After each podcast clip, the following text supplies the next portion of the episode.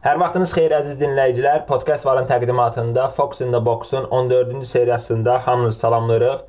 Bu gün mən Ayxanla birlikdəyəm. Orxan da söz verib ki, e, podkastın gedişatında bizə qoşulacaq. Xüsusilə də bu Fənərbağçə Qalatasaray söhbətlərindən sonra ürəyini boşaltmalıdır. Ona görə gələcək. Narahat olmayın.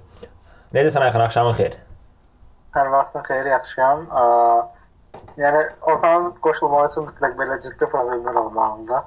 Ha, yəni futbolda, həm də dünya futbolu ilə bağlı, yoxsa adi verilişlərə gəlmir. Yəni də elit adam olduğu üçün slim geyinir, slim telefon istifadə edir. Ona görə. Ə, gündəmdə çox şey var. Ona görə birbaşa işdən başlayaq. Ənənəyə sadiq qalaq bu dəfə Premyer Liqadan başlayaq. Həftə sonu Premyer Liqada maraqlı oyunlar var idi. Sözsüz ki, əsas oyunda Arsenal Liverpool oyunu idi. Ümumiyyətlə oyunu Elşənə cavab verirəm. Oyunu izləmişəm. Ə, və oyun açığı mənim ağlımda nə ilə qaldı? Birincisi Torreira'nın möhtəşəm oyunu, ikincisi Fabinho'nun hələ də Premyer Liqanın tempinə alışa bilməməsi ilə qaldı. Səndə nədir? Aa, məndə yəni bu da yadda qalan hadisədir, amma mənim üçün yadda qalan Hakan Torreira qədər yaxşı oynamaq oldu. Çünki hətta statistikalarda da elədi. Yəni ümumi pas statistikası, top qazanmaq falan. Yəni hamısından heç biri demək olar ki, Hakan Torreira'dan geri qalmayıb da. Yəni bu çox gözlənilməz oldu. İkinci məsələ düz Liverpoolun oyun ərzində çox daha üstün olacağını gözləyirdim. Amma elə olmadı. Hətta daha üstün tərəf Arsenal idi, xüsusən birinci hissədə. Yəni bu qəribə oldu, amma bu göstərir ki, Wenger Wenger gedən daha doğrusu belə də, Wenger gedəndən sonra biz düşünürdük ki, oyunun tapmağı falan çətin olar, amma Emery'nin hal-hazırda oynatdığı futbol Wengerin nə bilim son 3 il 3-4 ildə oynatmağa çalışdığı futbol kimi bir şeydir, yəni. A, maraqlı, yəni sezon başında bəri Arsenal demək olar ki, hər podkastda danışmışıq. A, yaxşı çatışmayan cəhətləri çoxdur. Məsələn, müdafiənin ağırlığı, mərkəz müdafiəmiz üçün bu oyunda çox hiss olunmadı. Amma yenə də məsəl üçün bəzi epizodlarda mövqe səhvi və yaxud da müdafiədən çıxarkən itirdikləri toplar, məsəl üçün oyunun əvvəlində Torreira Heyətə Mustafi Holding yazırsansa bu çox qorxuludur. Doğrudan, yəni heç şans yoxdur. Yəni belə deyim də, o müdafiə dörtlüsü ilə Arsenalın çempionluq şansı sıfırdır, yəni heç cür yoxdur. Yəni mütləq məsəl üçün belə deyim, qışı inanmıram, yəni ciddi. Bəlkə şey şansları ola, necə deyirlər, dördlü üçün ciddi iddiaları ola bilər ki, hal-hazırda var. Xüsusilə məsəl üçün bu yanvarın ortalarına doğru məncə əgər şey ehtimal olsa, nə deyirlər? Dördlü üçün iddiaları davam eləsə, bəlkə bir transfer eləyərlər, amma ən pis ehtimalla ya da mütləq müdafiə mərkəzinə 2 oyunçu almalıdılar. Yəni biri top klass olmalıdır həmin oyunçulardan biri və digəri də yəni etibarlı bir müdafiəçi olmalıdır. Hə, müdafiə mərkəzi ilə bağlı məsələ indi Hoşen də zədədən qayıdıb da məşqlərə çıxır. Əgər o qış fasiləsinə kimi form tutsa, yəqin ki, təxirə salacaqlar ona və yayda edəcəklər transferi. Mən gözləyirəm ki, qışda Cinaha transferi olsun. Onsuz da bu Paragvayda oyunçular, Paragvayda da deyəsən yadımdan çıxdı. Nəsə, MSL-də oynayan bir dənə oyunçu ilə anlaşmışdılar. Hansı ki, sağ winger oynaya bilər və hücumçu oynaya bilər. İlkin xəbər tutmuşlar. Adı Diallo idi, nəsə bir şey idi. Mən Diallo bir dənə tanıyıram, o basketbolçudur, Çek Diallo. Ay, ay. Hə. O belə məsəl üçün bir wingdə demirəm, amma müdafiə mərkəzində iş görər o. Hə. Oyunda məsələn Aubameyang formsuz idi, amma Lacazette yəni neçə həftədir ki, davam edən belə deyək də bu yaxşı oyununu qolla da belə deyək də nə deyirlər onu? Hə, daha qəşəng. Bəziyə bil, bəziyə bildi həqiqətən. Çünki oyunda Arsenalın oyun sxemində əsas çatışmazlığı nədə görürük? Məsələn, Özil artistik hərəkətlər eləyirdi. Oyun planına məncə ciddi şey belə deyildi, dəstək yox idi, amma Lacazette həm oyunu idarə edirdi. Məsəl üçün xoşuma gələn ümumiyyətlə Lacazette-in ən bəyəndiyim xüsusiyyətlərindən biri odur ki, komandanın nəyə ehtiyacı varsa onu eləyir. Yəni o hə. çox mükəmməl bir belə deyək də keyfiyyətli bir mərkəz hücumçu üçün o ə, tapılmayan həqiqətən keyfiyyətlərdən biridir. Firmino bunu keçən sezon eləyirdi. Pas lazım onda pas eləyirdi, pres lazım onda pres eləyirdi. Ə, dribling lazım onda dribling eləyirdi. Amma bu sezon Lacazette-də onu görmək olur. Yəni bu sezonun keçən sezondan bəri görmək olur bunu. Düzdür, yəni çox ağır oldu. O baxımdan bir də bu özür məsələsi, yəni Özürüm bu böyle oyunlarda biraz ə, kölgədə qalmaq məncə ciddi problemdir. Çünki son deyəsən 6 oyununda top komandalara qarşı heç nə eləməyibdi. Belə bir statistika var. Premier Liqada və bu məncə ciddi problemdir. Çünki nə bilim biz Leicesterə qarşı oynadığı oyunu falan görüb sevinirik, amma əsas rəqiblərə qarşı özü nəsə eləməlidir mütləq. Bir də mən onun bəyənmədiyim ikinci adam Mıxtiriyan oldu. Hansı ki sağ cəhətdə oynadı mövsüm, yəni oyun əvvəlində və mən başa düşdüm ki, Arsenalın bu dəqiqə əsas problemli mövqeyi həmin cəhətdir. Çünki məsələn solunda olmayan Qonyanda necəsə yola vermək olur ona, amma sağda ciddi problem var aramızda. Hücum baxımından.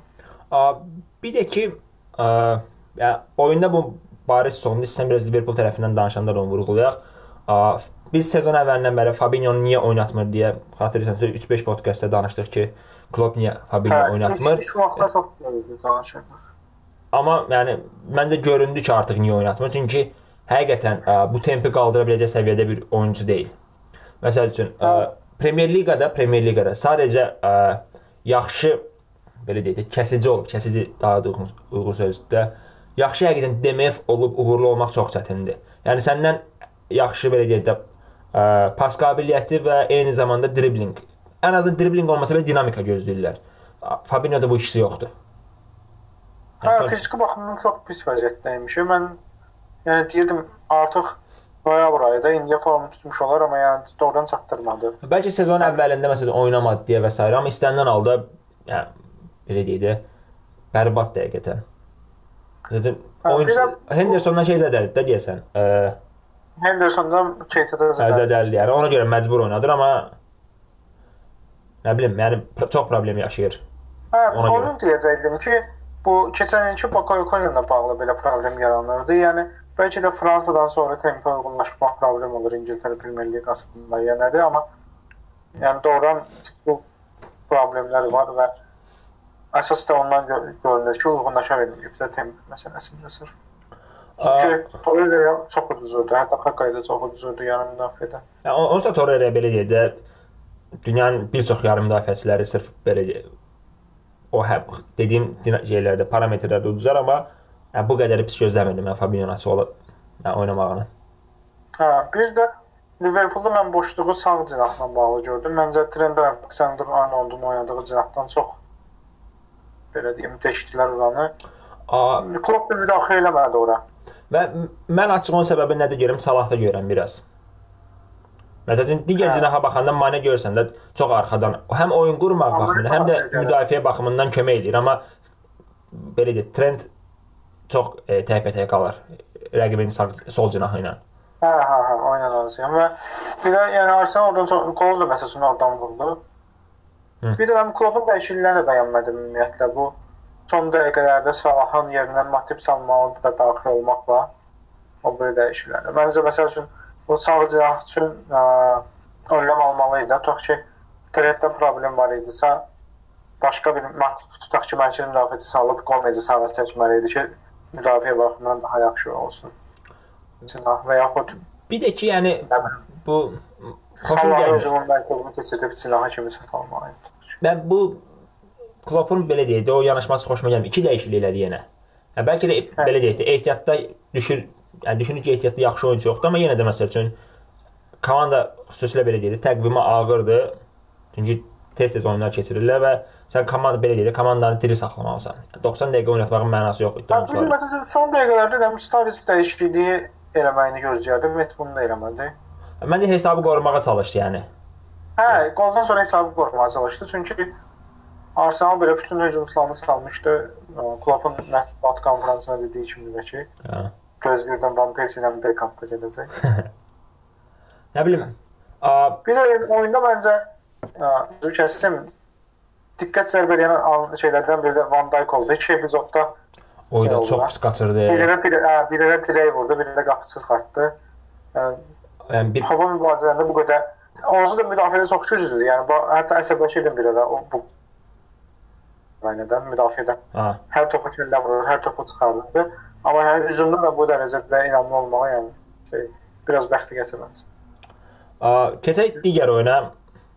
Biraz City-dən danışaq. City neçə podkastda danışmırıq açığı. Belə baxanda çox ehtiyac da duymurduq. Ay, City-də vəziyyət eynidir. Yəni o gələn gedənə vurub göndərirlər. Yəni fərq eləmir. Təzə bir şey demək olmur City barədə.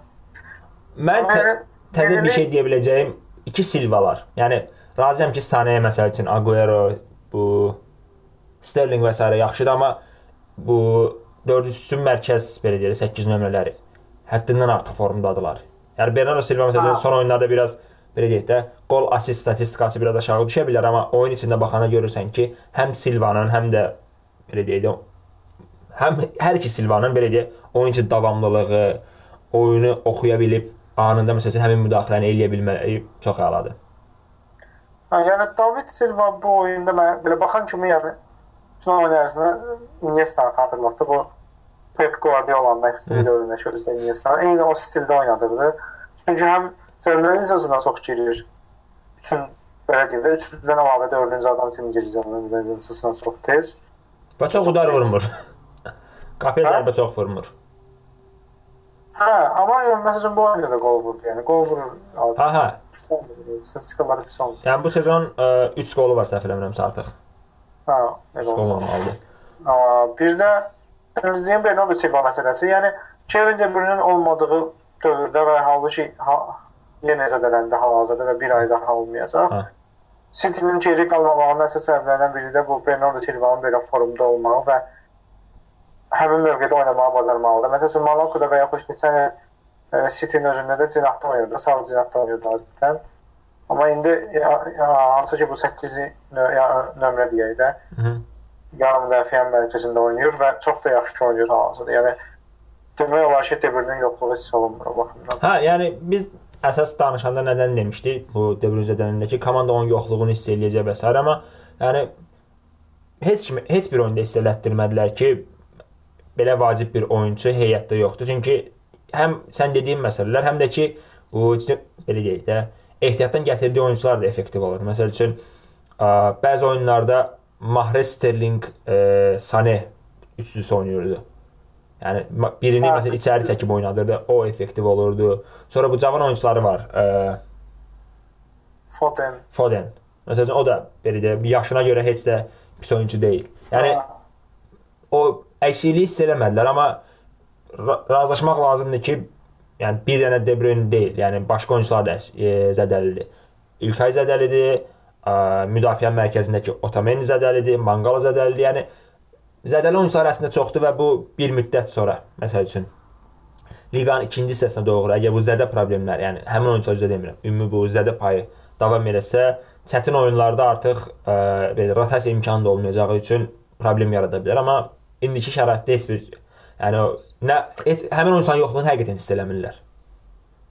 Hə, amma City-də bu qərib bilmirəm necə, necə izah edə bilərik bunu, amma bu Keçən ildə tutaq ki, zədəli oyunçular oldu. İlkay bir müddət zədəli oldu. David Silva bu ailəvi problemlərinə görə oynamadı bir müddət. Sanem uzun müddət zədəli oldu. Və bu demək olar ki, əks olunmurdu City-nin oyununda. Yəni liqada öz xüsusiyyətində liqada da, yəni liqada rahatlıqla durdular oyunlarını yenə də. Okay. Keçən hal-hazırda əsas müddətlərdən biri Çempionlar Liqasıdır və hər ikisini eyni vaxtda necə idarə edəcəklər Özdə xüsusən çətin dövrdə ə, yanvardan sonrakı dövrdə fevralda da artıq Çempionlar Liqası başlayır yenidən. O dövrü keçmək çətindir. Əgər yenə də belə bizə də problemlər, heyətlə bağlı problemlər olsa, yəqin ki, hə, iki ə, şeydən biri qurban verməli olacaqlar da istəməsələr. Um, hə, inanmıram. Yəni da, inanmamaq deyil də, açığı düşünmürəm ki, Guardiola bu il Çempionlar Liqasını qurban vermək istəsin. Onsuz da yəni belə deyək, ilk dördlü Çempionlar Liqasına getdiyi üçün rahatdılar. Yəni dördlün kənarında qalmayacaqlar. Əgər məncə bir belə seçim etmə məcburiyyətində olsa Çempionlar Liqasını seçəcəyini düşünürəm. Çünki arada təxminən neçə il keçib? 10 ilə yaxın. Barcelona da oldu. 2011-də Barcelona ilə. 11. Hə, hə. Yəni 2011-dən bəri Çempionlar Liqası qazanmır. Bilmirəm, xeyli müddətdir. Okay. Keçək digər Manchester komandasından United-dan danışaq. United oyununu mən ilk 60 dəqiqəsini izləyə bildim. Bir dənə statistika verəcəm. Hər iki komandanın qapıya 18 dəqiq 18 zərbəsi var. e, Bournemouth birinci hissə 12-6 Bournemouthun xeyrinədir. E, Bournemouth-da yoxsa Bournemouth-dur? Bournemouth. Bournemouth.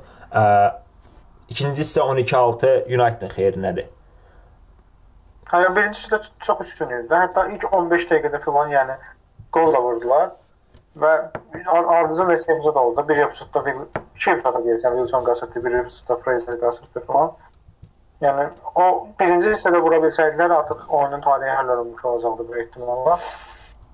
Amma Manchester United yəni neçə oyunda artıq belə geriyə düşür. İlk hissəni yaxşı oynamır filan, amma oyunu dur və bu oyun elə oldu. Yenə Martial qol vurdu. Artıq 4 oyuna deyəsən ardıcıl qol vurur. 4 yoxsa 5. Yəni Manchester United üçün Hə. sevindirici bir şeydir ki, hansı oyunçusu belə ciddi form tutur. Form Çünki hə. nə Lukaku formunda deyildi və indi deyəsən zədəldi, nə Sanchez formunda deyildi, nə də Rashford deyildi, nə Sanchez Pogba futboldan stabil çox deyil. uzaqdır. Hə? Sanchez futboldan çox uzaqdır. Hə, e, Sanchez yəni hətta indi mər hücumun mərkəzində oynatdı və assist elədi deyəsən bu oyunda. Məncə yəni bu mövqe onun üçün daha xeyirlidir, nəinki sol cinahda oynamaq məsələsi. United-ın yəni oyununda bariz hiss olunan əsas şey nə idi? Mərkəz müdafiənin problemi. Smalling necə belə deyək də bu oyun keyfiyyəti ilə belə deyək top bir komandadır. Yəni United hər nə qədər son illər geridə qalsa da hələ də top klublardan biridir. Orada özünə yer tapa bilib heç cür Hə, Smalling özdə ə, Sir Alex'in vaxtından var da, yəni o çox uzun müddətdir ki Manchester United-dir. A- Və maraqlısı odur ki, yəni məsələn Lindelöf Smalling oynayırdı, amma ta ki Baye oynatdı bir oyun o da ciddi problem idi, nə bilim. Hə, belə deyim də variantı yoxdur. Ayı sol, yəni Smallingə məcburdur. Smalling yerinə oynadacaq adam heç də ondan ciddi fərqlənmir. Uyda. Mən şeyə baxırdım. Ay, Sanchezin astım görüm həm belə deyim market value nə qədərdir, həm də ki nə deyirlər bu müqaviləsi müqa yox, maaşı ki belə həftəlik 300 min pound nə qədər alır səhv eləmirəmsə. Aga İngiltərə ən çox qazanan oyunçusudur. Hə. Ə, yəni Arsenal onu çox yaxşı itələdi United-də. Ə, kontraktı Hə, 2022-yə qədərdir. Aysən kontraktı bitirdi onsuz da və əvəzinə həm oyunçu ala bildi, həm də ki oyun planını pozurdu Arsenalın son dövrlərdə çox. Elədir. Nə de nə deyəcəydim gözlə. Hə, yəni United-ın əsas son dövrədəki uğurun əsas belə deyək də səbəblərindən biri məsələn qol yükünü və s. daşımaq baxımından deyirəm. Ə, Martialdır. Ə, kontraktı sezon sonunda bitir və bildiyim qədərilə belə deyək də müqavilə yeniləmə təklifini qəbul etməyib. Hələ ki həm mübahisəli də o məsələ. Əslində Mourinho-la problemləri var deyə deyirdilər müqavilə yeniləməyəcəyi və s. Amma son həftələrdə Mourinho lehinə açıqlamalar falan veribdi. Və belə görünür ki, Mourinho qazanıb da artıq onu oyunçu kimi. Məncə belə formu davam eləsə müqaviləsini yeniləyəcəklər. Çünki yəni mövsümün ərzindəki ən yaxşı oyunçusunu itirməyə istəməzlər. Nə Mourinho, nə Manchester United. Ə, əgər qalsa, yəni itirmək istəməz. O detallara razıyam. Hə, bir də ki, yəni bazar dəyəri də böyükdür adamın kifayət qədər. Elə oyunçunun pulsuz getməyin də. Olmaz. A, bir də nəsə deyil. Yəni onsuz da belə deyək də müqavilə yeniləməsə, yeniləməsə artıq digər klublarla rahat görüşə bilər. Yəni Hə, qışdan, qışdan. qışdan etibarən görüşə bilər. Hə, United-dan keçək məncə Premier Liqanın biraz deyək də dibindən danışaq. Hal-hazırda dibdəki komandalar məsəl üçün Huddersfield-dir, Fulham-dir. Burnley-də deyəsən dibdədə bircə dəqiqə. Hə, yəni sonuncu yer Fulham-dır deyəsən. Sonra Huddersfield. Qardaşım, sizin Newcastle. Sezonun fiyaskosunu Fulham yazmışdım da mən. Hə, Hə, sən Ful- yaz. mən ona Fulham yazmışdım. Ha, Fulham çox yaxşı. Yəni dünənki oyunu belə tam izləmədim düzü. Biraz səhər epizodlara baxmışam. Ə, amma yəni Huddersfield uduzdular. İndi bunu gözləmək olar da səfərdə uduzacaqlar Huddersfield. Daha yaxşı müdafiə olunur. Amma yəni heç demək olar ki, epizodları belə olmayıb və oyun ərzində. Və mən də başa düşmürəm Fulham ki, yəni necə olur ki, bu komanda uduzur. Yəni Şule, Mitrovic, nə bilim, Vietto, Seri belə belə oyunçular oynadılar da məsəl üçün. Yəni bu İngiltərə standartına çox da çox yaxşı Ha, bax bir dənə nümunə verim də. Liqanın e, 6 komandasından daha çox qol vurublar. 6 komandasından daha çox. Amma ən çox qol vuran, ən çox qol Qol buraxan komandasıdır və ondan sonra ikinci yerdə belə də qol buraxma baxımından gələn komanda Burnley-dir. Burnley son 3 oyuna 13 qol yeyib yəni. Hə, Burnley çox yeyir o heç. Nə bilim abi. müdafiə ilə bağlı çox böyük problemlər var. Qa- Qapıçı ilə bağlı problemlər var. Bu mərkəz müdafiəçilərlə də bağlı problemlər. Nə bilim, yəni bu necə planladılar, nə, necə qurdular onu bilmirəm. Yəni Mosula ciddi məbləğdə transferə pul verdilər, nə bilim Arsenaldan Embersi icarəyə götürdülər. Bax Basement icarəyə götürdülər. Ryan Sessegnon kimi yəni İngiltərə ən potensiallı gənc oyunçulardan biri var heyətdə. hə, orada yazıq olacaq məncə. A, bir dənə detal deyəcəm. Yəni bu ikinci liqaya düşməmək üçün, yəni belə deyək də outsider olmaq üçün mübarizə apardıqları hər iki komandaya son 3 tur ərzində düzüblər. Yəni həm Huddersfield-da düzdülər Hə. son turda, 2 tur əvvəldə, yəni 3 tur əvvəl belə deyək də Cardiff- Cardiff-ə düzmüşlər. Özü 4 qol yeyib düzmüşlər. Cardiff-dən 4 qol yemək artıq çox böyük uğur saymaq olar istənilən komanda üçün. Yəni bu dəqiqə Premier Liqanın 6 ilə üstü arasında çox böyük uçurum var da. Bəlkə ötən illərlə müqayisədə ən böyük uçurum dövrü budur. Çünki ilk 3 komanda hələ də məğlub olmayıbdı və Tottenham da tarixinin ən yaxşı başlanğıclarından birini eləyir. Bütün bunların səbəbi odur ki, orta sıra və alt sıra komandaları çox pis vəziyyətdədir və yuxar- yuxarıya müqavimət göstərə bilmirlər də. Və Fulham-ın bir dənə fikstürünü sayım. Həftə sonu ə, Liverpool səfərinə gedəcək. Ə, Sonra evdə Southampton Hə, şeydən bu milli fasilədən sonra evdə Southampton oynayır, sonra gedir Chelsea səfərinə, evdə Leicester-lə oynayacaq, səfərdə United-la oynayacaq, evdə West Ham-la oynayacaq. Sonra dekabrın sonuna doğru səfərdə Newcastle-la oynayır, evdə Wolverhampton-la oynayır. Yəni belə deyim də, növbəti neçə tur keçib artıq? 11 tur keçib yoxsa 10 tur keçib Premier Liqada? 11 tur. 11 ya, ya 11 ya 12-dir. 11 tur keçib, ə, yəni növbəti 8 turda, yəni belə fasiləyə qədər 8 tur qalıb. 8 turda 8 oyunda 4 xal belə ala bilməz məncə. Yəni evdə məsələn Southampton-dan məsəl oyunu var. Evdə Southampton o da, o da bilər bir dənə. O da mən məncə məşqdə dəyişiklik olmasa onu da oynayacaqlar. Yəni belə Amma düzə əslində Liverpool oyundan kimi gözləyirəm Yokanovicin qovulub təzə məşqçi gələcəyini, amma bilmirəm. Yəni iki tur qabaq xəbərlər çıxmışdı ki, ya, iki oyunda şans verirlər falan. O iki oyunda da biri nə idi? Məsələn, tur kimdən idi olan oyunda?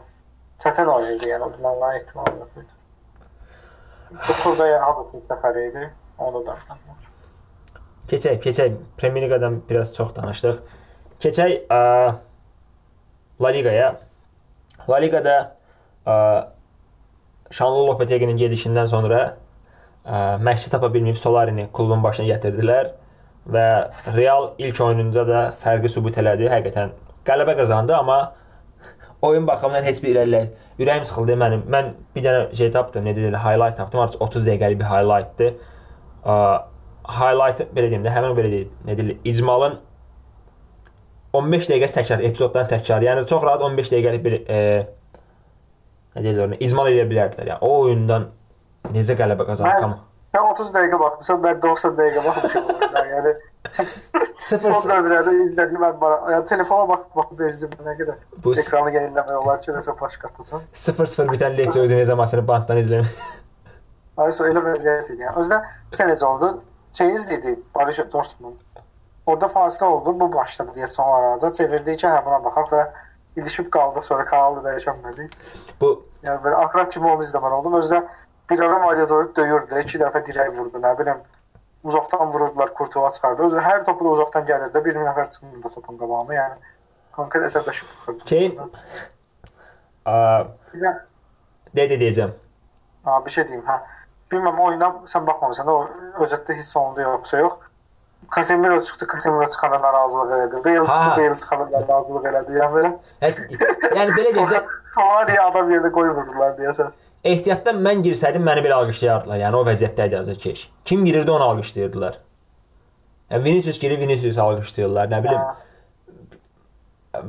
Bu məsəl üçün 3 çempi ardıcıl 3 Çempionlar Liqası qazanandan sonra ə, oyunçularda bu məsəl üçün gözlənilən bir şeydir və rəhbərliyin belə deyək də Perezin ən böyük səhvi səhvi idi məncə bu ki, komandanı yeniləməmək. Çünki müəyyən vaxtdan sonra doymuşluq hissi gələcəkdi onsuz da. Hə, yəni Amma yəni doymuşluq hissi belə gəlməməlidir. Yəni doymuşluq hissi məsəl üçün etinasızlıqla gəlməlidir ki, oyunu məsələn ciddi almırlar və s. Komanda oyunu ciddiyə almaq istəyəndə də belə ala bilmir. Çünki o dərəcədə formsuzdular. çox formsuzlar. Yəni bu Modric, Kroos məsələn dəhşət formsuzdur, nə bilim. Bu cinah oyunçuların hamısı formsuzdur. Asensio başda olmaqla, nə bilim Bale filan. Necə yəni gözə yaxşı görünən, nə bilim Lucas Vazquez filan olur yəni komandada. Belə. Şey söhbətlərinə nə deyirsən bu kontent gətirməmək söhbətlərinə? Ha, deyir Conte özü istəmir gəlmək. Yo, o ondan əlavə güya şeydə klub daxili nə deyirlər bu lobbiçilik hə, var imiş. İspan, İspan lobbisi. Hə, də Ramosun başına çəkdiyi tayfa. Hə, bilmirəm, yəni o, o lobbi də oradan amma çox güclüdür də, yəni. Yəni Ramos, Isco, Carvajal Carvajal. Bu, bu figürlər məncə çox güclüdür hal-hazırda klubda və ola bilər ki, onlar da səbəb olmuş olsun Conte ilə bağlı. nə bilim yəni Amma yəni onlar Pere, kimi- Perezin olduğu yəni, yerdə elə bir lobbi qurmaq çox çətindir. Bilmirəm. Yəni, Yəni, mən məsələn onlar göy kimi istəyirlər ki, yəni kimi gəlməyini tərəfdarlıqlar. Hamısı lop haqqında yaxşı açıqlamalar. A, Carvajalın bu lobbi haqqındakı açıqlamalarını görmüsən? Hə, deyib ki, işlədiyim ən yaxşı məşqçi idi. Yox razıyam o gələndən sonra komanda kim olub? Yəni Azad çörəyi qərib olsun. Ancelotti də var idi. Hə, var idi. Ha, onda həqiqətən qənim olsun. Deyəcəm ki, mən Zidane-la olub tutaq ki, razıyam. Az çox razılaşa bilərəm ki, həm taktiki və- baxımdan və s. amma Var idi, biraz sənə səhv gəldi. Amma Zidane sənə yəni, 3 dənə ilk Çempionlar növbədə Liqası kubok qazandırıb. Ayşə, yəni Zidane 3 dənə Çempionlar Liqası qazanıb, çempion da olub, yəni. Belə. Madriddə Belə nə qəribə gəlir. Məsələn, Kroos'un da açıqlaması var idi, Twitterdə yazmışdı və demişdi ki, yəni oyunçular üçün ən pis olan şey odur ki, məşqçisin qolurlar da, yəni birbaşa günahkar sən olursan bu məsələdə Hə. filan. Bunu başa düşmək olur, amma ə, nə bilim, yəni Carvajal'ın dediyi məncə şeydir. Ayğın çox eləsin. Şirin görünmək üçün belə şey. Və kimə şirin görünmə ehtiyacı hiss edirsən? Nə sən bu adam yəni sizi buraxıb millinin başına və s. də getməyib ki, deyəm ki, millidəki yerini və s. önəmli olsa, yəni belə deyək də sağlamlaşdırırsan. Yəni sənin komandanın hal-hazırda məşqçisi yoxdur. Məşq keçmiş məşqçini uğursuzluğuna görə qovublar və sən çıxıb deyirsən ki, indiyə qədər işlədiyim ən yaxşı məşqçi idi. Yəni sən başın işləmir yoxsa nədir?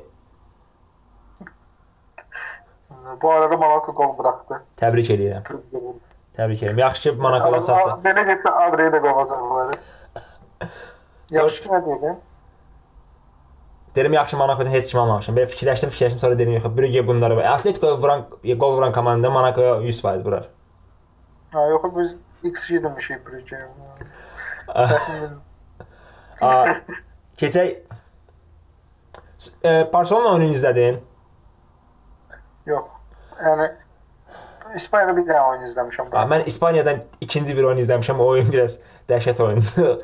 Celta Vigo Betis oyununu izləmişəm. Hardasa uzun bir müddət Çox izləmişəm. uğur- uğurlu seçim oldu. Yəni çünki Betin uzun müddət sonra axır ki 3-də oynayacağı gözləndi. Yəni çox gol vuracağı çünki nəticə qazanmalı idi tərəfə axır və Celta Vigo da İspaniyadan yaxşı futbol oynayan komandalardan da. Bu məsəl üçün hansısa fut futbola baxanda tutaq ki, məsəl üçün istəyirsən ki, azarkeşi olduğun komanda oynayır və rəqib dayanmadan üstünə gəlir ki, in və başlayırsan düşünmək ki, indi buraxarlar, birazdan buraxarlar, indi bura- buraxarlar, birazdan buraxarlar. Elə bir his var da, yəni hamıda. Mən oyuna baxanda, yəni belə bir his var idi ki, məşqçi birazdan Emre Moru döyər, indi döyər, birazdan döyər, indi döyər, birazdan döyər.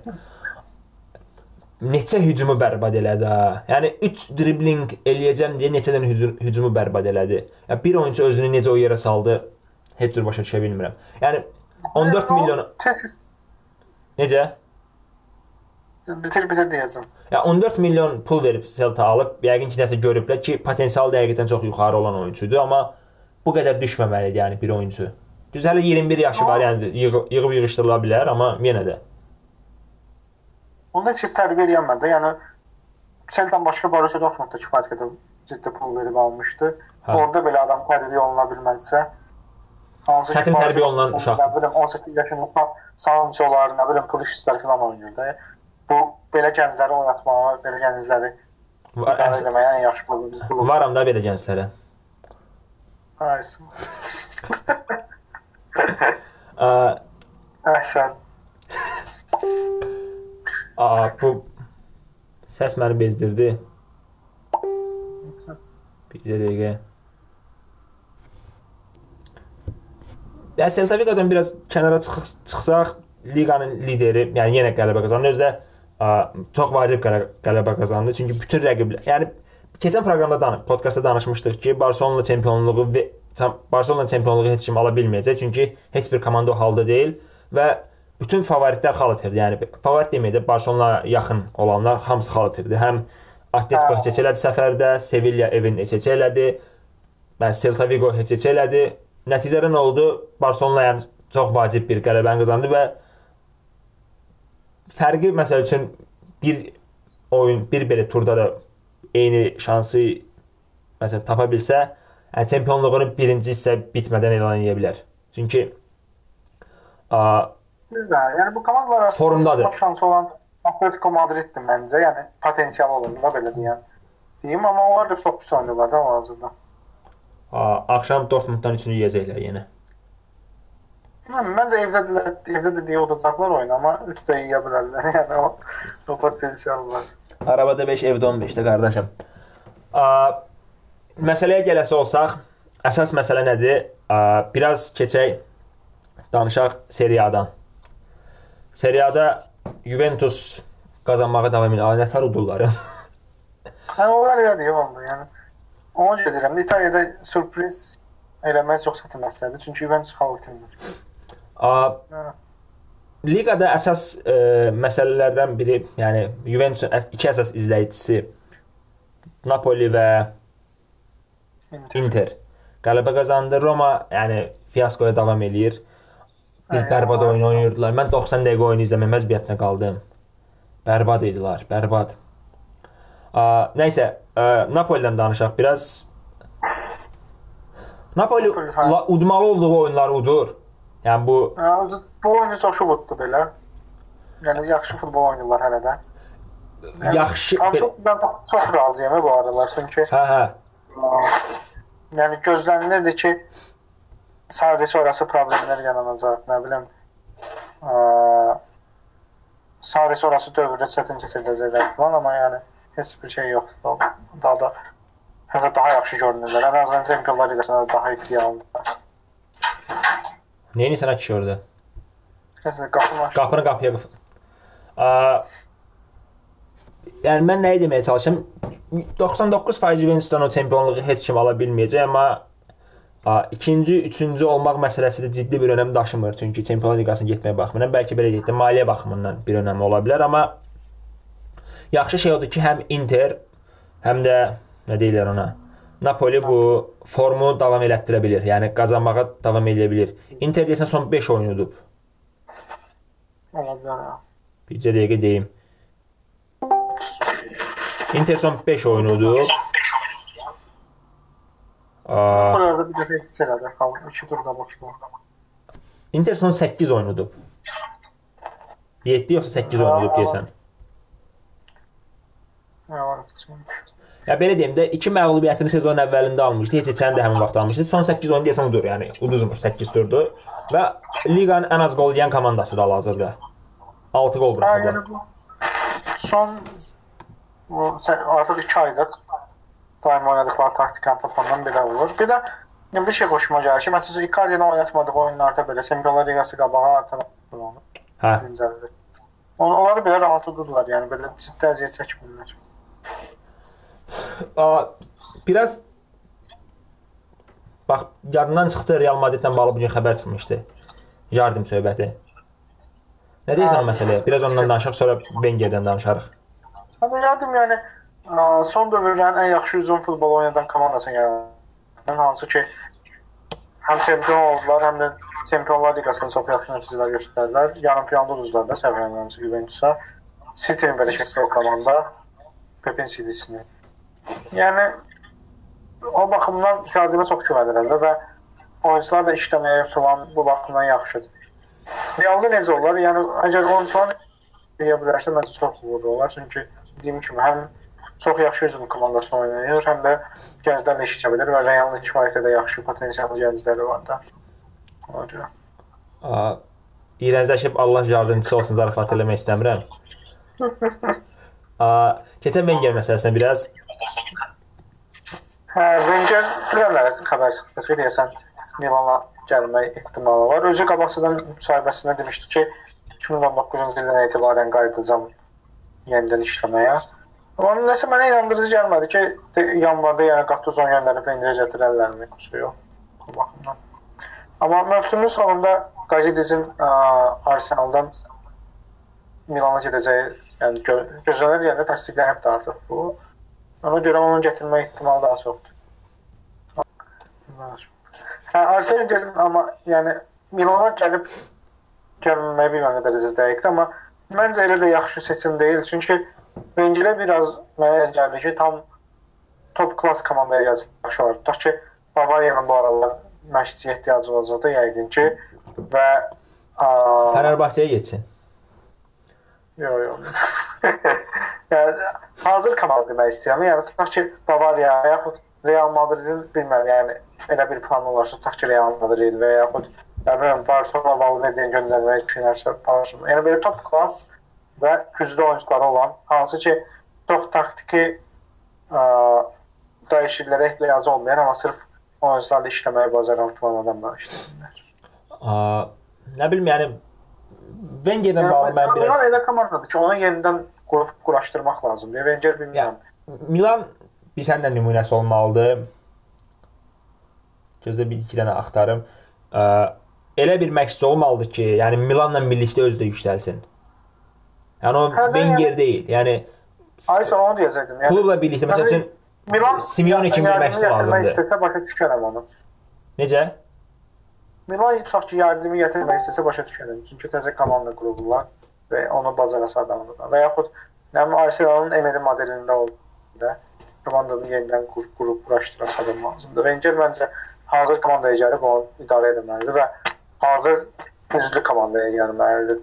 Inter kimi belə çalxantıda olan komandaya yox.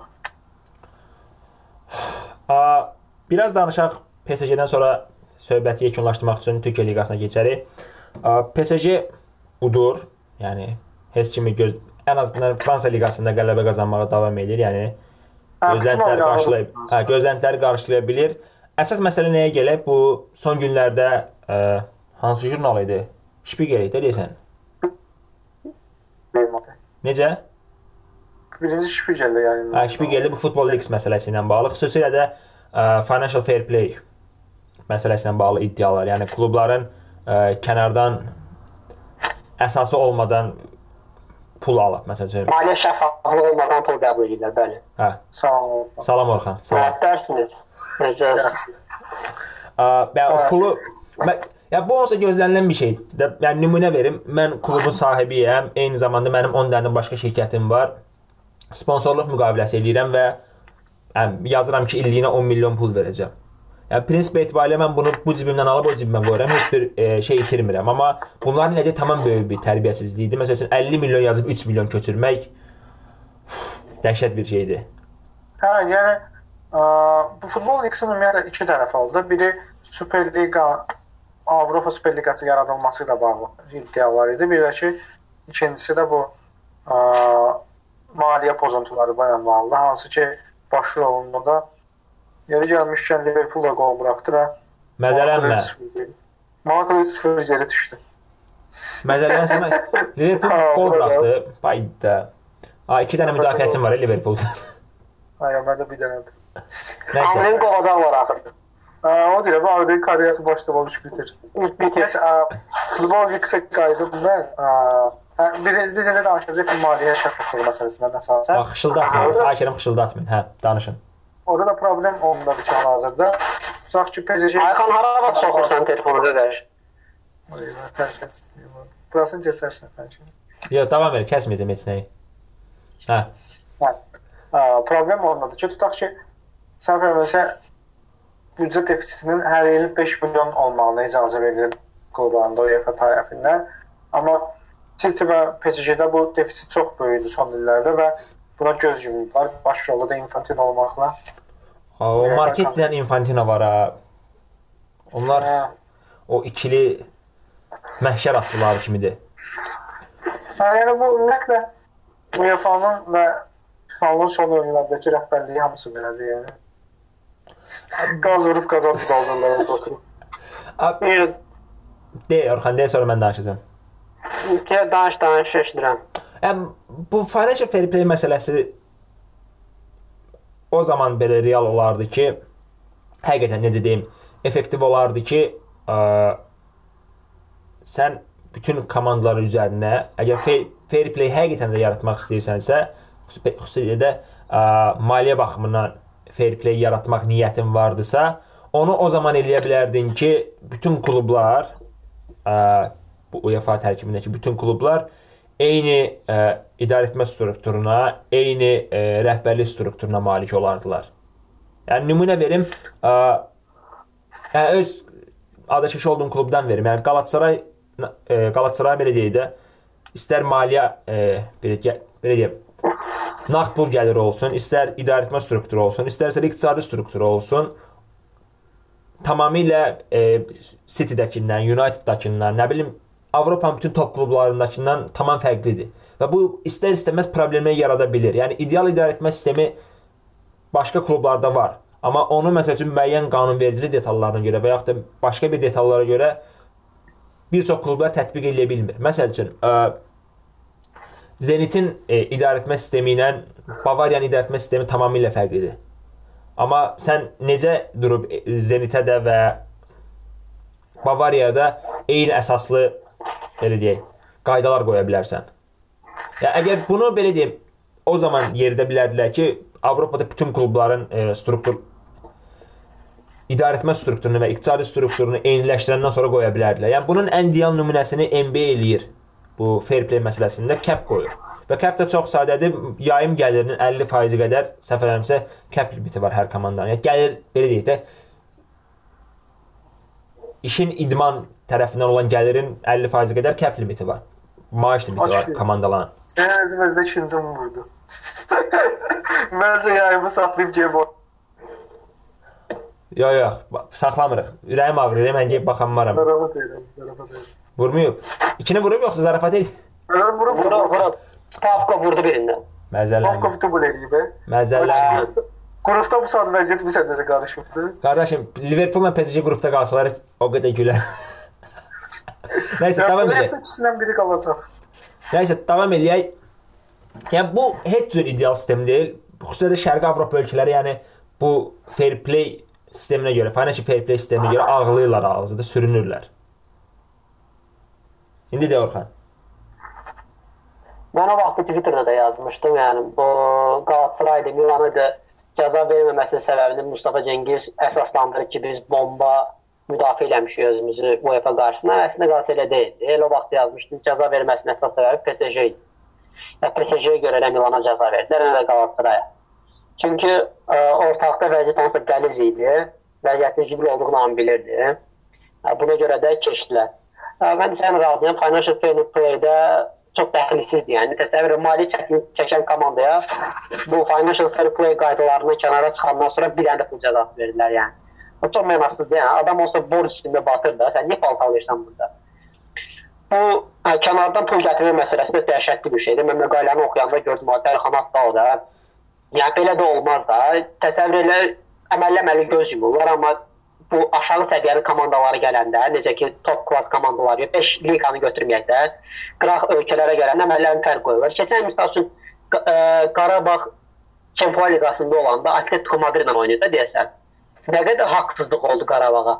Ə, Özünüz də təkcə yəni sadəcə oyunda belə hiss edə bilirsən də klublar arasında nə qədər fərq qoyurlar bir-birlərinə. Görə badalaq qoyurlar, niyə görə çalışırlar ki, top 5-in komandaları irəlidə olsun. Bu izləyici baxımdan da UEFA istəmir ki, nə Manchester City kimi komandanı, nə də Paris Saint-Germain kimi komandanı financial fair play ilişdirib Avropadan kənarda saxlasın.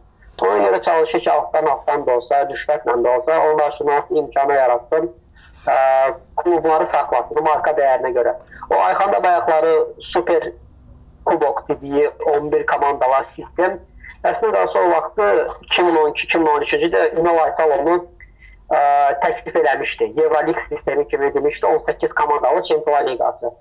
Liqa olsun və bütün komandalar da bir-birindən oynasın. Hər ölkədən də limitli sayda, yəni az aşağı sayda klublar dəvət olunsun. Çempionlar getsin, yaxud mən nə bilim ilk iki yer getsin.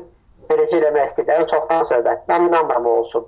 O da olsa sıxıcı olar yəni. Hər dəfə eyni oyunlar, hər dəfə eyni oyunlar, adam bezər. Yəni misal üçün sən bu dəqiqə ə, şey kimi Siverma Zvezda kimi komandanın Liverpool ilə vurduğunu görməyə bilərsən. Yəni hər dəfə eyni oyundan adam bezər.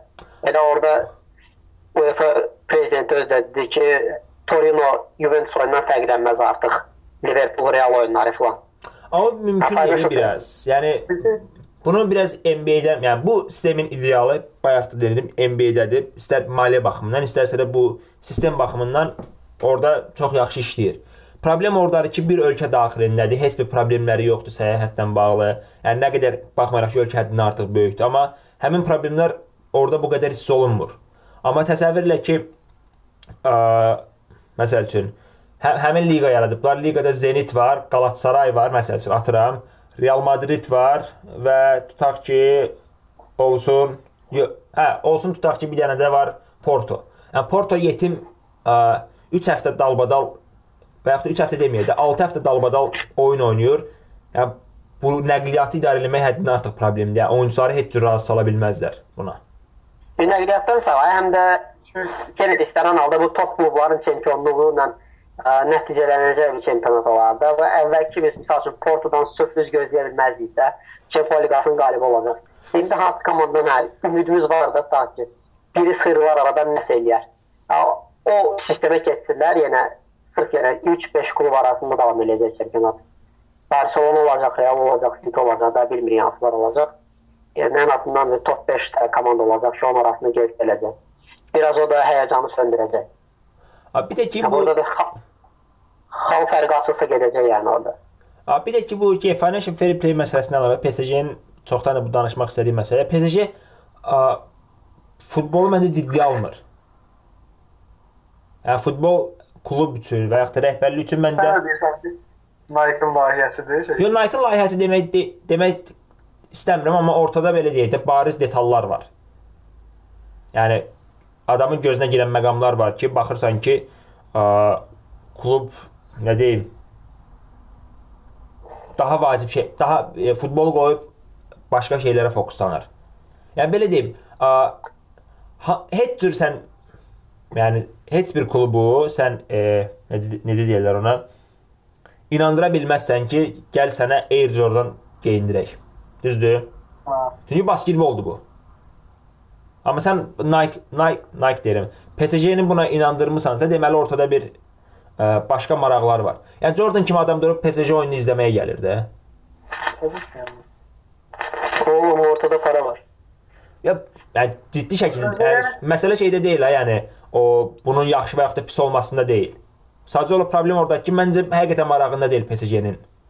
Nə nə marağında deyil, ə, Çempionlar Liqasını qazanmaq kimi və sair marağı yoxdur məncə o klubun. Yəni onsuz çempion Və Anje dönəcək də birazdan. Yox, Anje dönəcəyini demirəm. Çünki Fransada o rəqabət sistemini hələ ki digər klublar o səviyyəyə gəlib çatmırlar və adamların təkcə ə, belə deyim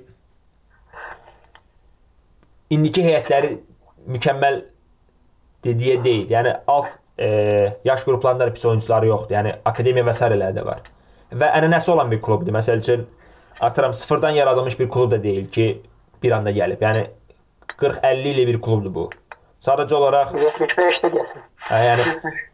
yəni sadəcə olaraq məsələ nəyə gəlir? Tamamilə fərqli məncə yanaşmaları var. Yəni Neymarın belə deyək. Ronaldinho belə oynayır.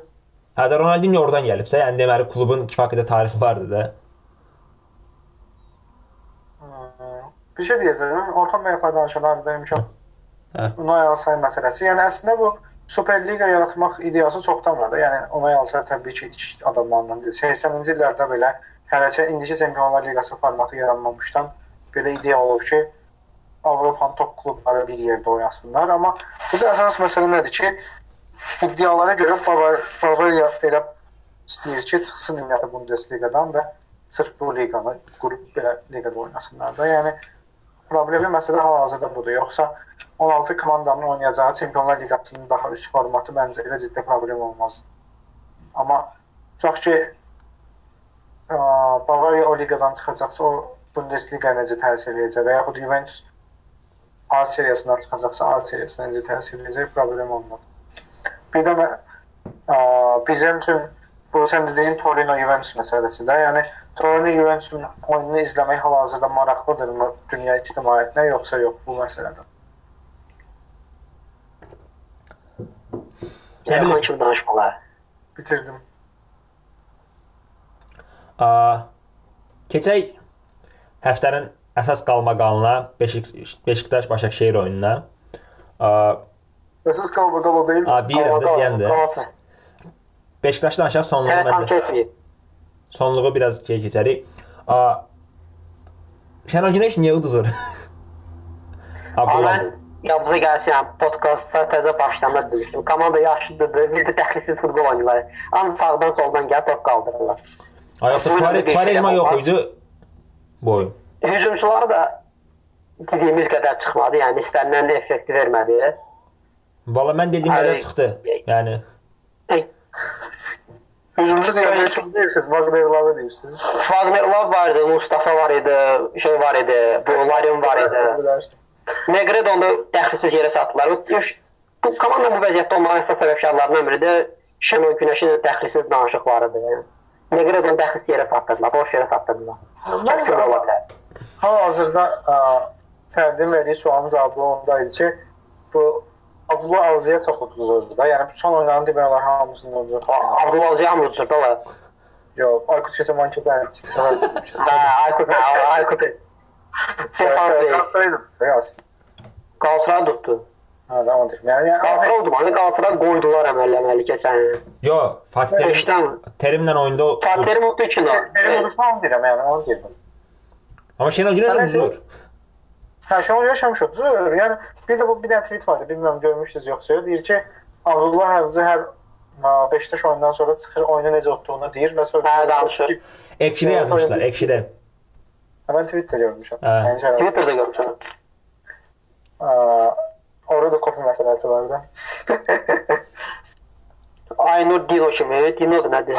Hədəf göstərmir. Xahiş edirəm, podkastda hədəf göstərməyin. Biz bunu geniş ictimaiyyətə yaymağa çalışırıq Orxan.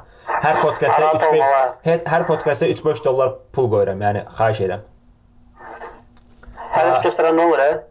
Məsələ mən nəyə yetməyə çalışıram? Sezon əvvəlində proqnoz verəndə mən demişdim ki, mənim əsas favoritim Başakşehirdir və hal-hazırda liqa elə elə pis deməyim, yəni elə orta yerdədir ki, heç bir komanda məncə ə, ciddi bir üstünlük əldə etməsə, Başakşehirdən bu çempionluğu ala bilməyəcək. Çünki yəni, mən yenə Başakşehir'in çempion olmağına inanmıram. Olmayacaq. Və bir dənə səbəbdir də, yəni niyə olmayacaq? İnanmıyorum. Mən keçən səfər demişdim. Yəni, İndi dedim. adamlar o təzyiqi sona qədər apara bilmirlər və ikinci də ciddi dəstəkləri yoxdur. Yəni 300-500 adamla olası iş deyil.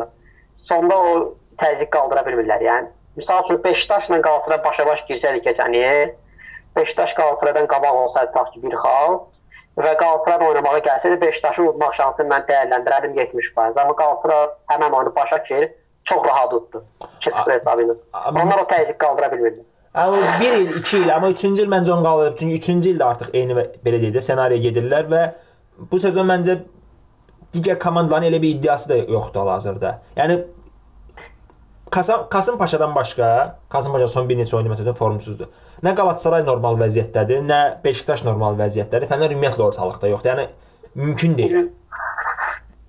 Yox, Fənər Fənərdən olsa gözləntim yox idi. Ayxan deyir ki, mən ilk 5 yılda görürəm, amma mən görmürdüm o vaxtdan da onu. Şey, Pülə Kasım Paşa çox da pis deyil. Antalya var, Ankara gücü var. Hazırda yaxşı vəziyyətdə olan. E, TFF səhv elədi. Yəni Fatih Terimə indi cəza verməzdilər. Yəni adam şeydə xaosun içərisində komandanı idarə etməyi yaxşı bacar. Bir səncə arada belə şeylər eləmək mənə ləzzət edir. Yəni Fatih Terimə gətirib deyirlər ki, gələ komandanı çempionu.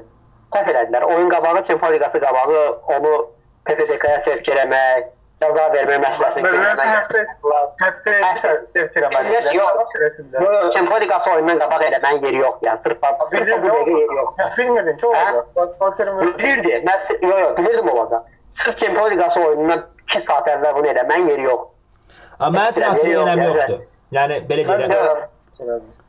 Ona görə adam çıxdı Twitterdə tweet atdı. Oyunçular oynayan, oynamayan hamı tweet atdı. Qalatasarayın özü açıqlama yaydı. Melo tweet atıb. eləməlidir. Melo tweet atıb. Hə, Melo tweet atıb, Podolski tweet atıb. Melo- Nadir zət atıb qabıcı. Melo Melo retweet üçün hər şey hər dəfə yazır. İndi Podolski də atıb tweeti. Abi, yəni maraqlı olacaq bundan sonraki. Ə, maraqlı ola bilər. Ancaq o halda ki Qalatasaray PFDK-dan sağlam qayıtsa, amma Mariano'nu şeyə göndəriblər, PFDK-yə göndəriblər. Adam PFDK-ya tribunadaydı. Donka 100% cəza verəcəklər, bir ən azı 3 oyun. Rodriguez-ə bilməyənə verərlər Gəl, birinci Belham da get. Yəni gəl bir şey deyir. Belham da niyə getməyib? ya Belhan da getmir, Sərdar Aziz getməyib. Belhan da Sərdar Aziz ikisi də getməyib PFDK-ya. Belham da. Belhan da şaxaya vurublar da, o əvəz ediblər. A nə dəxlisi var ki? Osmanlı tokatı yiyib adam. Solda da onu verdilər ki şeydə. Da getməməyə çox qəribədir. Çünki o epizodu başladan adam odur ya. Hə, Soldado ilə o başlayır. Bir dənə sualım var. Ə, Soldadon göndəriblər yoxsa? Da. Soldado gedib hə. Hə. Chelsea-dan Soldado gedib. Bax bir dənə oyun sonundan başlayaq. Sonra oyuna keçərik. Beşiktaş'ı danışırdıq, şey Beşiktaş oyununda. Ya onu qutaraq, yəni deyəndə fikrən onu qudaqladı ki, çox bomba taktika verirlər onu. Yəni, dəhşət belə dəstək var da Beşiktaşa. Beşiktaş həmin oyunda Mağdu 3 dənə qırmızı almalıda ciddi deyirəm. Canerin qırmızısı vardı, Pepe'nin qırmızısı vardı, Vidan qırmızısı vardı. Hakim birini də göstərmədi. Hələ utanmasan lensə də verə bilərlər yəni. Vəziyyət oydu. 3-4 dənə yəni nağ qırmızılıq vəziyyətdə bir dənə sarı verdilər. Ya Pepe ilə elədiyi iki dənə hərəkət var ki, istənilən çempionatda yəni yəni nağ qırmızıdır. Dünyanın hər yerində qırmızıdır. Ay, hə, Ayxan demişdi. Dünyanın hər yerinə penal verərlər ya ona. Ay, Ayxan utanmırdı yəni. Arsenal olanda penal vermədi, sevinir. Fənərə verəni sevinir. Belə məsələ. var. Sevinmək Hə, yaxşı. Hakim səhv edir də. Ya, niyə Arsenal vermədilər o penalı? Hə, Hakim səhv elədi sadəcə. Van Dijk'ın ağzında qaşıdınız orada. Hakim səhv. Mən demədim ki, Hakim. Hakim səhv elədi. Ay. Top dirəkdən qayıtdı. Danışmırdı. Screen atacağım. Baxarsan de. Screen atacağım. Qoy Fərdi paylaşsın podkastı. Screen atacağım mən. Neyse. Ha, Oyuna keçəndə danışarıq. Sezonu 3-4 dənə nağ qırmızısı var idi Beşiktaşın həmin oyunda. Hakim birini də verməli, yəni. Biabırçılıqdır. Hakimlər ümumiyyətlə çox formsuz da bu il. Yəni E, Türkdə Va- Vara da bir sənəcə, Vara ümumiyyətlə nə üçün gedirlər, niyə gedirlər, hələ də onlar məsələni dərk edəməyiblər də. Bu oyun, bu qırmızı kart, bu kartlar oyunun gedişatına ciddi təsir göstərir də. Verməlisən o kartı. İstir vəziyyətin üstəsindən 40 saniyə keçsin, qol olsun. Ki barda baxsan görürsən ki, bu var, qol da ləğv verirsən, qırmızı kartı da verirsən. Yəni var bunun a, Kimə heç bir kart vermirsən ada, dəxilsizdir yəni. Çox məmnunsunuz. Oyunun içində yəni bir səhv, iki səhv eləyəndə başa düşmək olur, amma davamlı olaraq gələn, yəni tərəfli və yaxud da tərəfsiz məsələsi də deyil. Yəni deməli hakimlərin problemi var və bu neçə ildir bu davam edir, düzəlməyəcək. Yəni var da onları düzəltmirsə heç bir şey düzəltməyəcək onları. qərəzli şeydə hakimlər sistemi var Türkiyədə. Kim ağlayır, kim çıxıb davam edirsə, 3-5 oyun həm- həmin adam üçün belə imkan yaradırlar. Sonra təzədən davam Hə, edir. ondan sonra sonra sonra təzədən davam baltalayırlar. Ə, indi 5 oyundan sonra fikrətlə başlayacaq. Bizi baltaladılar ağlamağını. Yəni həmin onda 4 dənə yenə edirəm. Naq oyuna baxmısınızsa, 4 dənə naq qırmızısı var. Hətta mən Başakşehir'in qolu oldu birinci qolda, yəni offside verdilər. Mən onda offside falan görmədim də. Yəni necə deyim, mən var sisteminə baxanda yəni offside oxşamır. Adamlar getdi, Halis idi səhv eləmirəmsəm, hakim. Halis Özkahya idi. Getdi, offside verdi. Epriano deyəsən vurdu, səhv eləmirəm, kim idi vuran. Offside yox, deyən offside verdi. Vara arada səhv qərarlar üçün də gedirlər. Elə olur ki, vardı, səhv qərar var isə vara getmirlər. İndi gedərik ona. Bu məsələyə danışarıq. Qalatasaray Fənər oyununa keçə, oyun sonu ilə bağlı danışım. Yəni mənim ə, yəni oyuna biz çıxdıq getdik də şeydən. Yəni heç Qutarda hə, biz davanı görmədik. Hə, yəni o detalları görmədik. Əsas məsələ mənim üçün maraqlı olan nədir? Hə, o davanın belə deyək də başlamasına səbəb olan epizod var.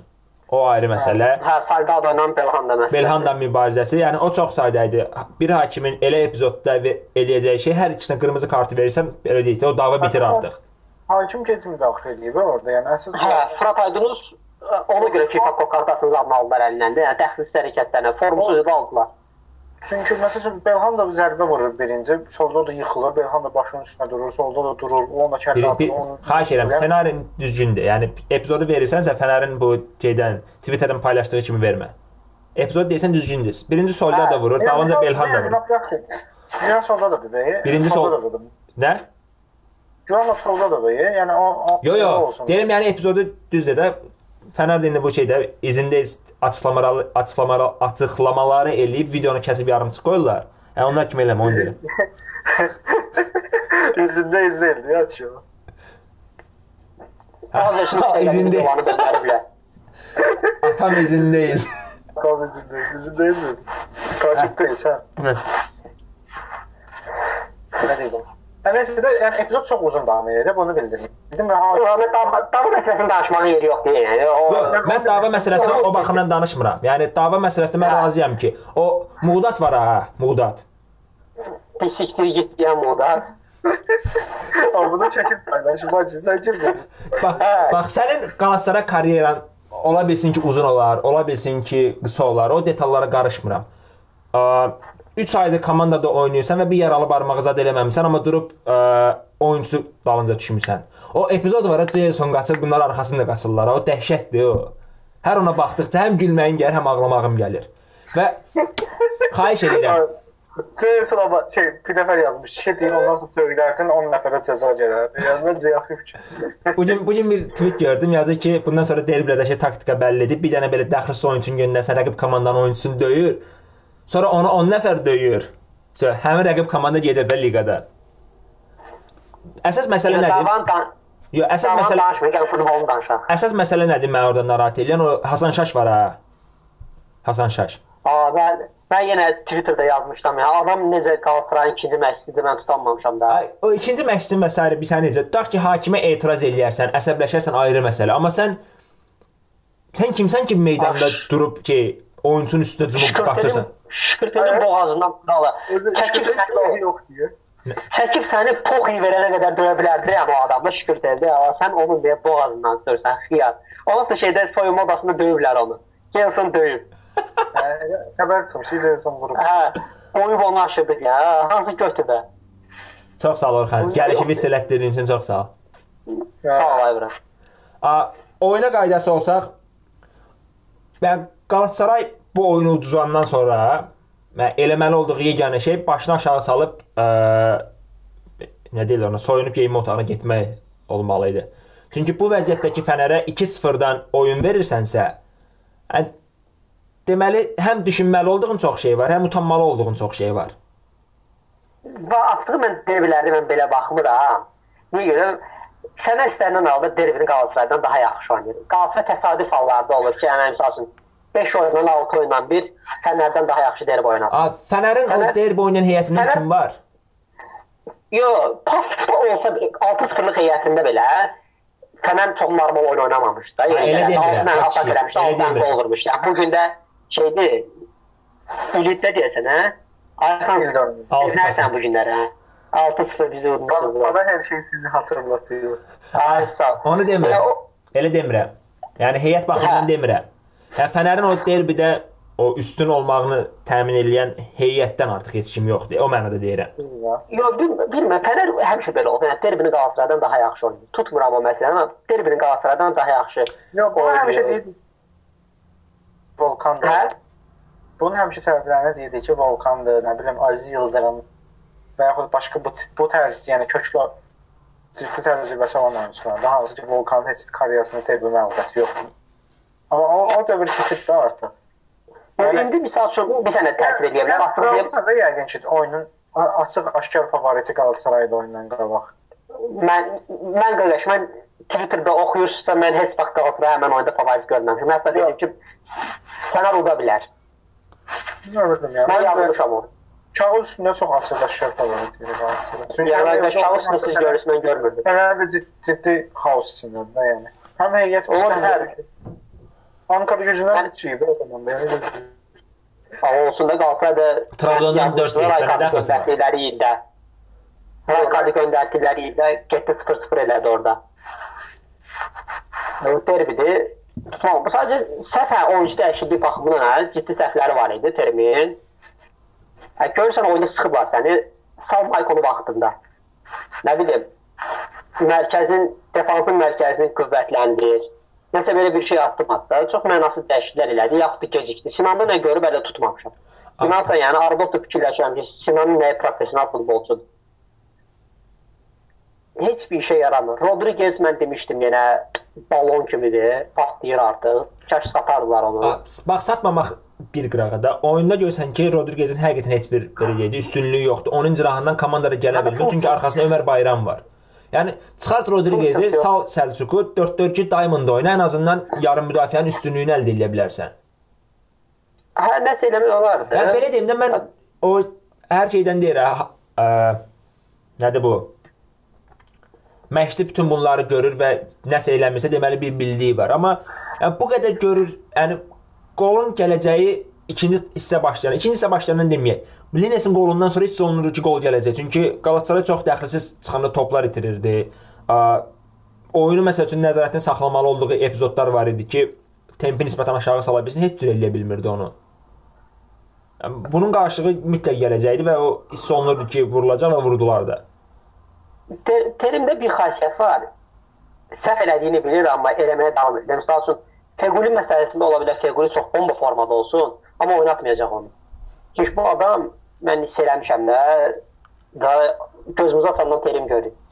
Kəsdisə bu münasibəti bir oyuncu ilə Neymir eləsində əvvəlki vəziyyətə qayıtmır. Oynatmır. Amma Mario çıxıb başında. 84-də salır. 85-də salır. Niyə salırsan onu? Salma qardaş artıq. Yəni Simanı o qədər oynadırsan ki, yararsız adamdır.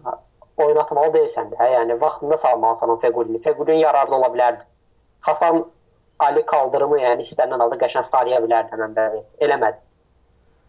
Çox gecikdi oyuncu dəyişiyinə. Fənər də yıxdı oyunu tam mis olaraq Qalatasarayın üstünə. Ha, bütün heç bir top götürə bilmirdi. Yəni Hə, top götürməkdən əlavə, yəni rəqibdən top almaqdan əlavə qayıdan topları da yığa bilmirdilər. Yəni Donkla NDI orada nə işə yarayır?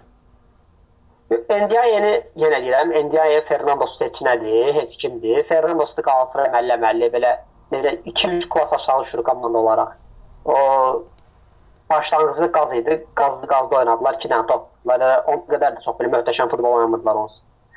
E, Fernando da mənlə əziyyət çəkir Qalatasaray. Əziyyət gedən udar sayt Amma az idi. İndi gördüyümüzdən çox pis oyuncuymuş məncə. Yəni keçən gördük. E, e, Ndiaye mən keçən ildə söyürdüm onu. E, çox söyürdüm mən onu ki, o oy oynaya bilmir də. Bəzi anlarda Fernando olmayanda qabağında oynaya, arxasında olanda oynaya bilmir, olmayanda oynaya bilmir. İndi Məncə- çox rahat şəkildə görə bilirsən. Qalatasarayı çox izləməmişəm, yəni ona görə bilmirəm. İzlədiyim Yox, mən- çox bəyənirdim və bir də məsələn bu mövsümün əvvəlində də gələn Qalatasaray. Yəni- Yəni mən bu bu dərəcədə pis olacağını Yo, o görək arxasında Fernando olsun. Fernando olsun ki, ikinə çıxsın. A, yəni belə deyim, oyunu açığı, yəni qayıtmaq istəmirəm çünki qayıt oyun haqqında təzədən düşündükcə əsəbləşirəm ki, yəni bu komanda bu heyət, bu məşqçi niyə bu oyunu verdi belə?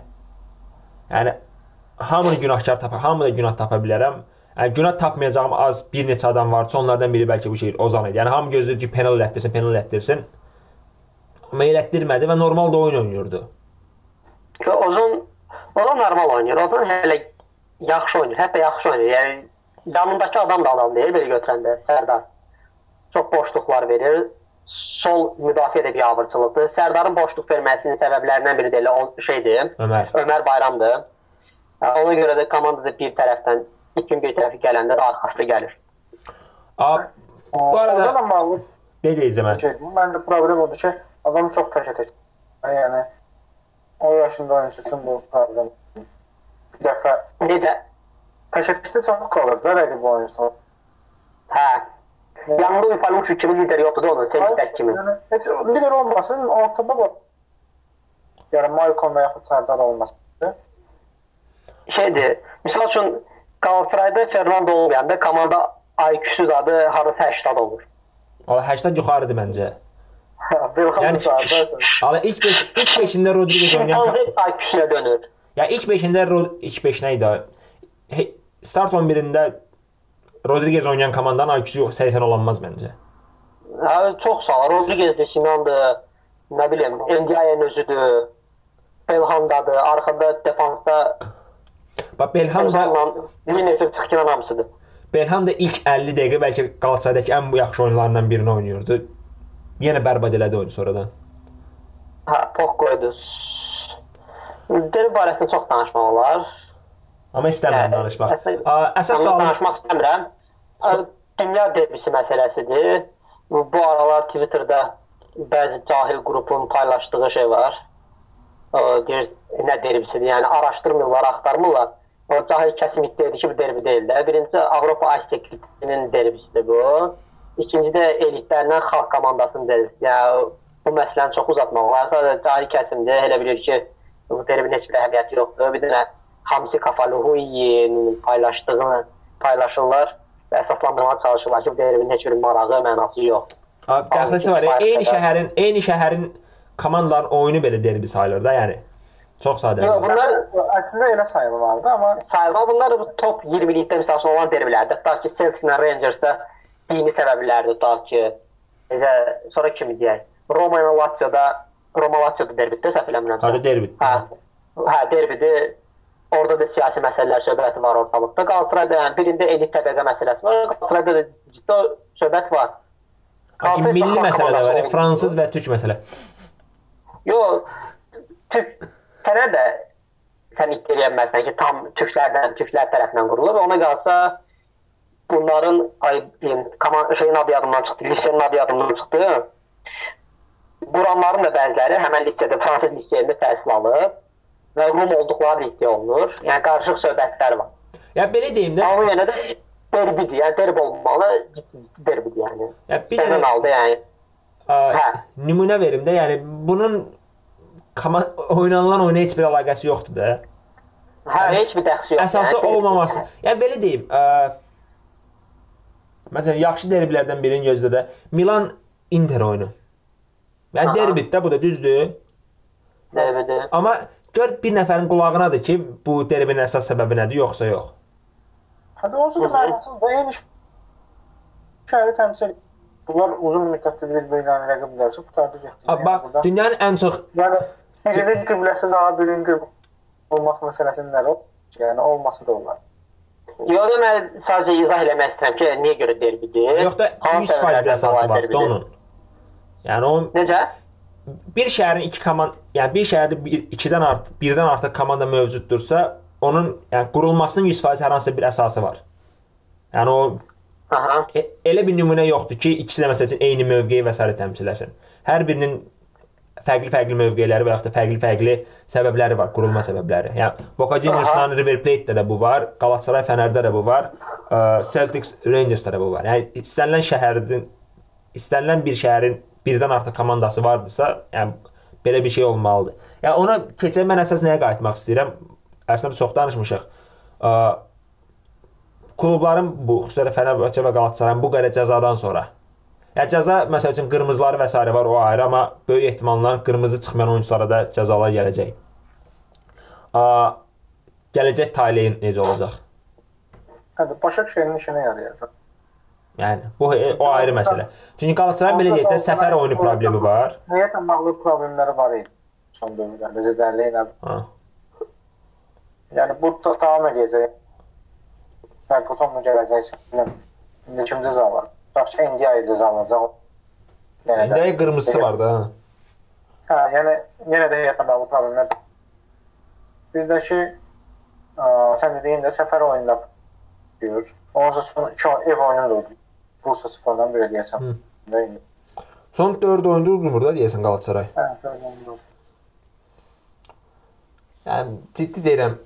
ə, Başakşehir əgər fasiləyə qədər xal fərqini aça bilsə çətin Hə, olacaq. Başakın problemi odur ki, Başak son oyunların hamısını 1-0 1-0. Yəni belə 20-ci həftədən sonraymış kimi oynayır oyunlar. Bax Başakşehir fasiləyə, fasiləyə 2 transfer eləsə, 2 normal transfer eləsə çempionluğa aparar. Hə, təbii ki. Yəni heyət problemləri də var onlarda. Məsəl üçün mərkəz hücumçu problemi var. Adebayorun Hə, yoxluğunda ciddi hiss olunur. Orada şey. Evet.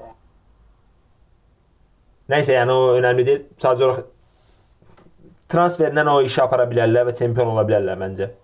Yəni o zaman Türkiyədə ən rahat transfer edən klublardan. Nə demək istəyirsən burada? E, yaxşı iddia olur da. Türkiyədə yaxşı. Axır biləcək, o götün var. Bilirəm yaxşı. Heç də. Siyasi bağlılıqlar.